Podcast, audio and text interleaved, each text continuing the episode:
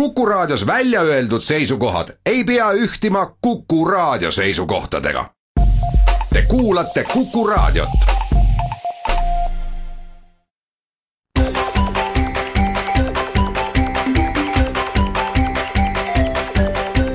maksumaksja. Koostöös Eesti Maksumaksjate Liiduga.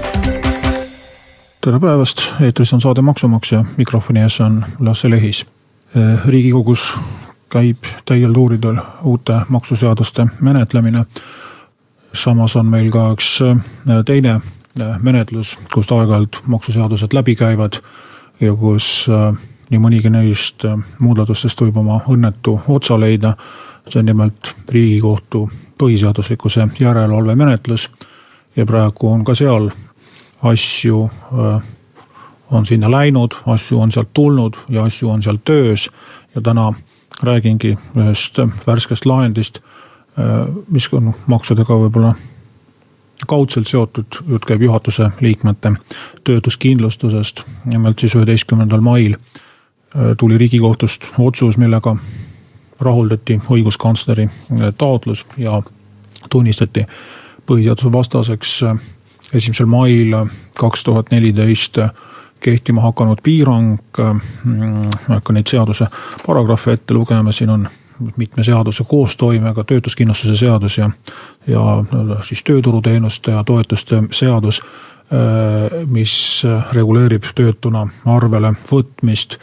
Äh, seaduse sisu, mm, mis põhiseaduse vastaseks tunnistati, oli siis järgmine, et äh, töötuna ei võetud arvele äriühingu, juhatuse või muu sarnase juhtorgani liiget, piisas liikmeks oleku faktist ehk tehti äriregistrisse päring ja ei olnud oluline, kas isik oma niinimetatud töö eest ka tasu sai või ei saanud, vaid ametisse olek iseenesest välistas töötuna arvele võtmise. töötuna arvele võtmine omakorda välistas töötuskindlustushüvitise saamise ja tekkis olukord, kus äh, kindlustusmakseid on makstud, aga siis, kui tekib kindlustusjuhtum, hüvitist ei maksta. kui võrrelda näiteks liikluskindlustusega, et äh, maksate, maksate, aga juhtub liiklusõnnetus, siis öeldakse, et aga te olete äriühingus juhatuse liige, teil on, olete rikas ärimees, teil on raha küll, võite oma liiklusõnnetuste kahjud ise kinni maksta. või kindlustate oma maja, maja põleb maha. siis öeldakse, et aga tegelikult siin on palju õnnetuid inimesi, kes teenivad palju vähem. et te võiksite tegelikult ise oma, oma raha eest uue maja ehitada. siis tekib küsimus, et mille eest siis seda kindlustust makstud on. kui nüüd ajalukku äh, tagasi minna, siis äh, seda teemat on äh, ju üleval hoitud päris pikka aega. ja ka riigikogu äh, käitumine on olnud üsna äh, kummaline. nimelt, kui nüüd esimesel mail kaks tuhat neliteist see piirang jõustus, siis kõigepealt ähm, ettevõtlusorganisatsioonid äh, protesteerisid noh juba selle muudatuse vastu, siis algatati aeg-ajalt ähm, seaduseelnõusid, et see ebaõiglane olukord likvideerida, siis kaevati õiguskantslerile ja õiguskantsler tegigi märgukirja juba rohkem kui aasta tagasi, ehk siis äh, detsembris kaks tuhat viisteist tegi riigikogu poole pöördumise ja palus, et riigikogu viiks seaduse põhiseadusega kooskõlla.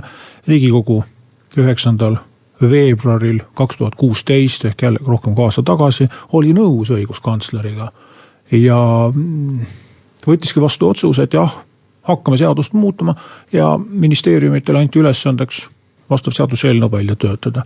ja sellega lõppes kõik ära et äh, mis siis täpselt juhtus, kas siis ei viitsitud või ei suudetud kokku leppida, kuna noh, see valdkond äh, haakub ju mitme ministeeriumiga, et on siin rahandusministeeriumil natukene pistmist ja sotsiaalministeeriumil, töötukassal. et äh, igatahes aeg tiksus, mitte midagi ei juhtunud.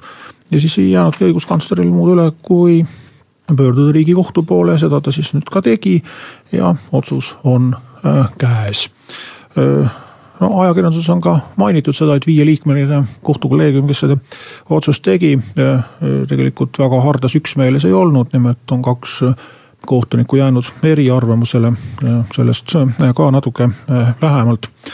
aga mida siis õiguskantsler ja riigikohus ütlesid, ütlesid seda, et kui tekib selline olukord, et riik paneb kohustuse maksta kindlustusmakseid, aga vastuhüve kindlustushüvitist ette ei näe, siis see on vastuolus äh, üsna mitme põhiseaduse paragrahviga. Äh, viidatakse põhiseaduse paragrahvile kolmkümmend kaks ehk omandiõigusele siit tulebki välja üks erisus, et maksul ja sundkindlustusel on vahe, et maksu maksmisega ei teki isikul riigi suhtes mingeid õigusi, sundkindlustusmakse tasumisega aga tekib ja sundkindlustusmaksetest tekib rahaline õigus ja see on samuti omand, mis on igaühe puhul siis põhiseadusest tulenevalt kaitstud. samuti ettevõtlusvabadus ehk põhiseaduse paragrahv kolmkümmend üks ehk siis juhatuse liikme staatusega seotud piirang takistab ettevõtlusvabadust, takistab juhatuse liikmeks olekut, kui samal ajal ei saa töötuskindlustushüvitist. ja viidatakse ka võrdse kohtlemise põhimõttele ehk põhiseaduse paragrahvile kaksteist. Öeldakse, et tuleb võrrelda siis töötuid omavahel, ehk siis inimene, kes on koondatud ja on äriühingus juhatuse liige, inimene, kes on koondatud ja on korteriühistus juhatuse liige. ja inimene, kes on ära koondatud ja ei ole mitte kusagil juhatuse liige. Et võrdse kohtlemise põhimõttest lähtuvalt, kui kõik nad on oma töökohal tööd tehes, palka saades töötuskindlustusmakseid maksnud, otsivad nüüd uut töökohta, peaksid kõik ühtemoodi ka seda hüvitist saama. ehk siis, kui väga nagu teooriasse minna, siis maksul ja sundkindlustusel pealtnäha nagu suurt erinevust ei ole. et äh, kui töötuskindlustuse asemel oleks lihtsalt kõrgem sotsiaalmaks või kõrgem tulumaks ja riik maksaks lihtsalt töötu abiraha, siis oleks lahendus olnud teistsugune. ehk siis, kui makstakse lihtsalt sotsiaalabi, sotsiaaltoetusi, siis riigikohtu seisukohalt on seadusandjal hoopis rohkem valikuvabadusi kehtestada mitmesuguseid piiranguid. aga pärast väikest pausi jätkame äh, siis sel teemal, millised olid eriarvamused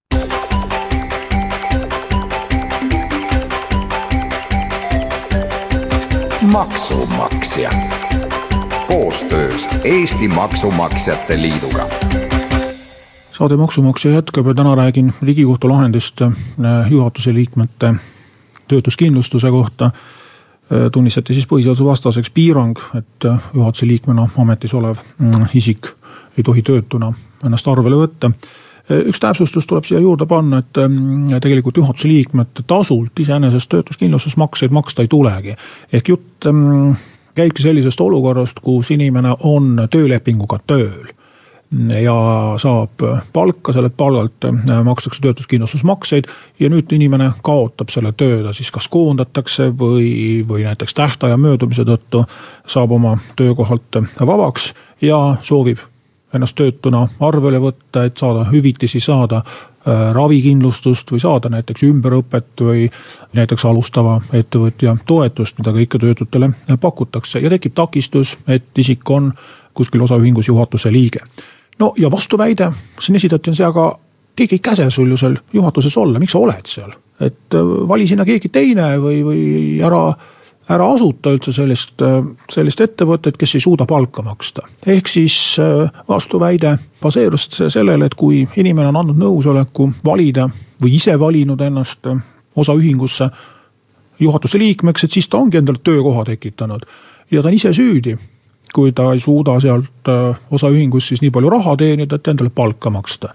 ja veelgi enam, eriarvamusel jäänud riigikohtunikud leidsid, et lausa sellised OÜ-tajad elavad teiste kulul, ehk siis võtavad ennast töötuna arvele, lasevad, juhivad samal ajal äh, osaühingut, kus nad võiksid siis endale palka teenida, aga lasevad Töötukassal hoopis palga kinni maksta.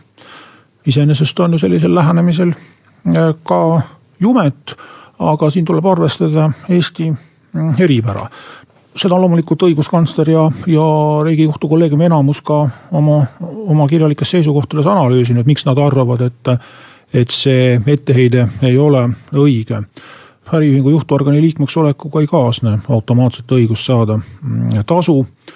on väga erinevaid motiive, miks ollakse nõus äh, töötama tasuta mm, oluline jälgida ka see, kas isik ise, kes on juhatuse liige, on ka samal ajal osanik või mitte.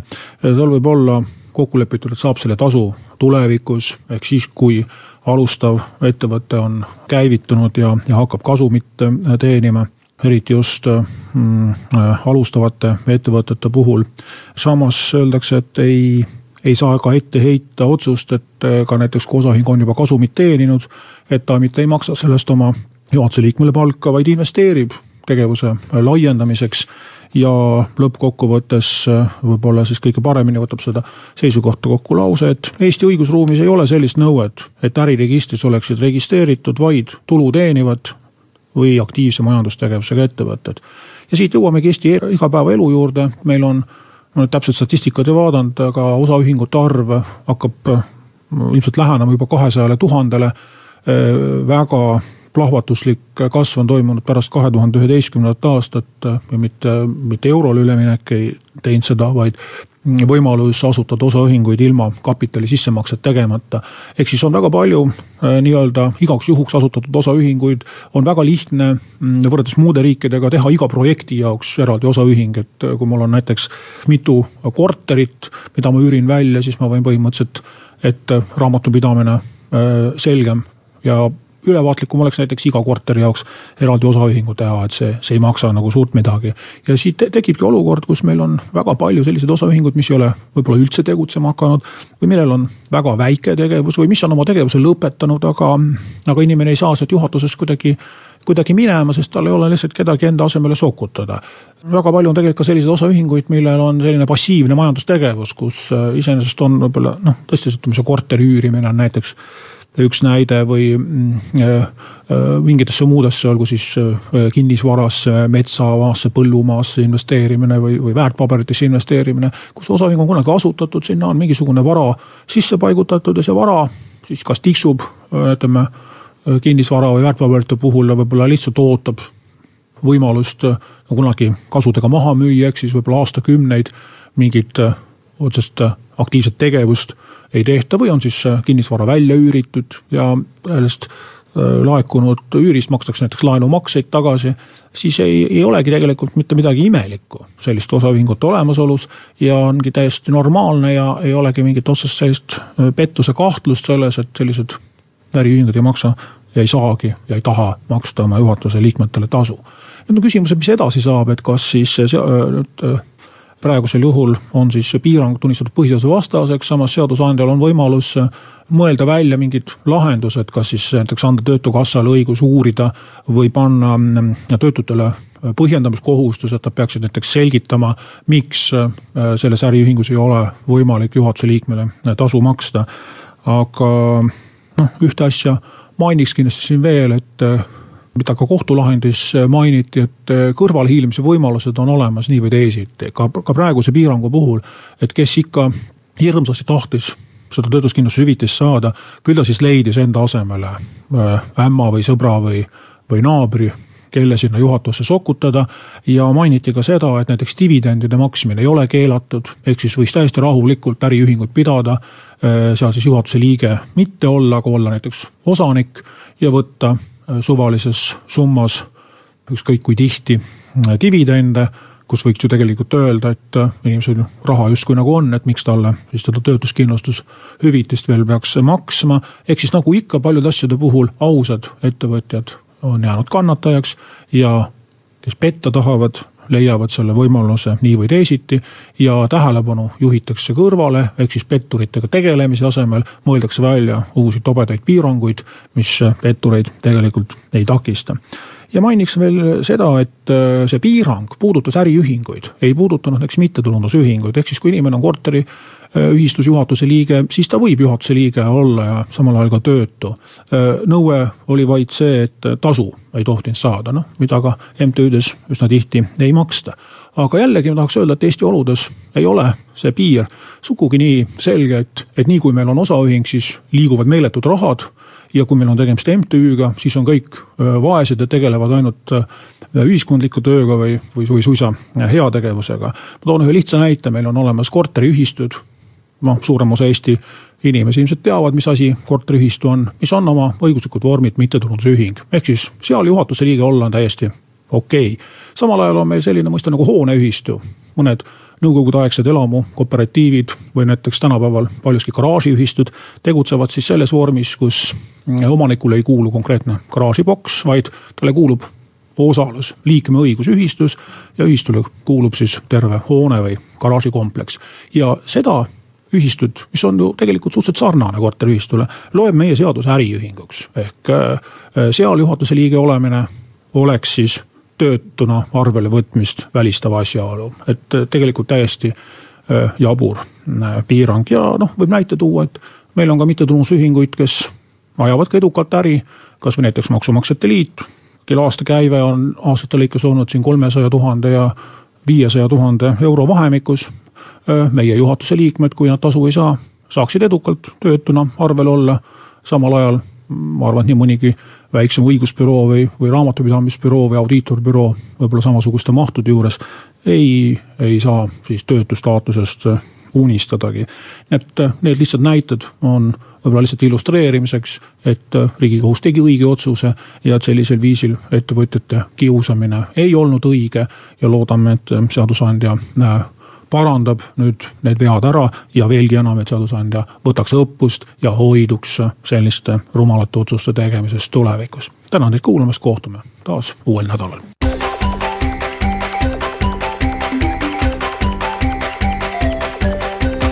maksumaksja koostöös Eesti Maksumaksjate Liiduga